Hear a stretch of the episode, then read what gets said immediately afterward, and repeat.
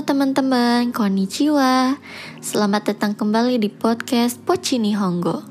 Di episode 19 ini, aku mau ngebahas bunpo yang dasar lagi nih, yaitu kalimat penunjuk pertemuan. Atau dalam bahasa Jepangnya menggunakan pola nani nani ni aimas dan nani nani to aimas. Oke, langsung aja kita bahas satu-satu ya. Nah, pola kalimat nani-nani ni aimas dan nani-nani to aimas sama-sama memiliki makna pertemuan. Namun ada perbedaan di antara keduanya.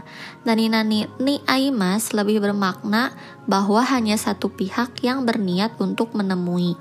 Namun kalau nani-nani to aimas, ada kesepakatan di antara dua pihak untuk bertemu dengan tujuan untuk melakukan sesuatu bersama seperti bicara, makan, ataupun nongkrong. Kita ingat-ingat lagi ya, kalau polanya yaitu nani-nani ni aimas yang berarti menemui dan nani-nani to aimas yang berarti bertemu dengan. Tolong dicatat ya. Aku kasih contoh langsung aja oke, okay? biar teman-teman paham. Contoh yang pertama, Ashita sensei ni aimas. Besok saya mau menemui guru.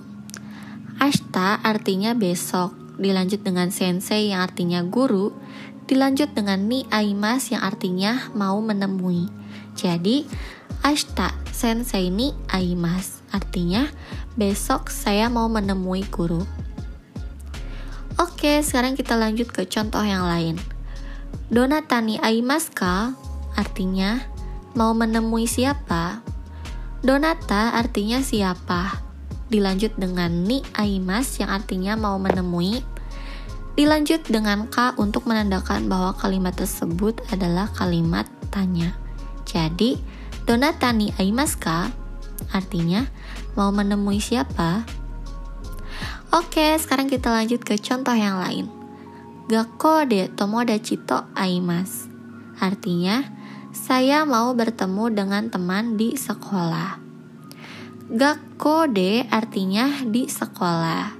Dilanjut dengan tomodachi yang artinya teman dan diakhiri dengan to aimas yang artinya bertemu dengan.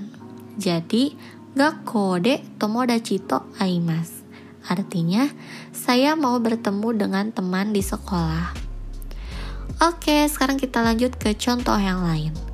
Basude sensei to aimashita. Artinya, di bus saya sudah bertemu dengan guru. Basude artinya di bus.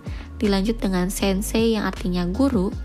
Dilanjut dengan to aimashita yang artinya sudah bertemu. Jadi, Basude sensei to aimashita. Artinya, di bus saya sudah bertemu dengan guru. Oke, sekian. Semoga teman-teman udah bisa lebih paham ya. Sekarang teman-teman coba buat 1 sampai 2 contoh kalimat dari pola kalimat di episode ini. Arigatou gozaimasu. Ja, mata ne.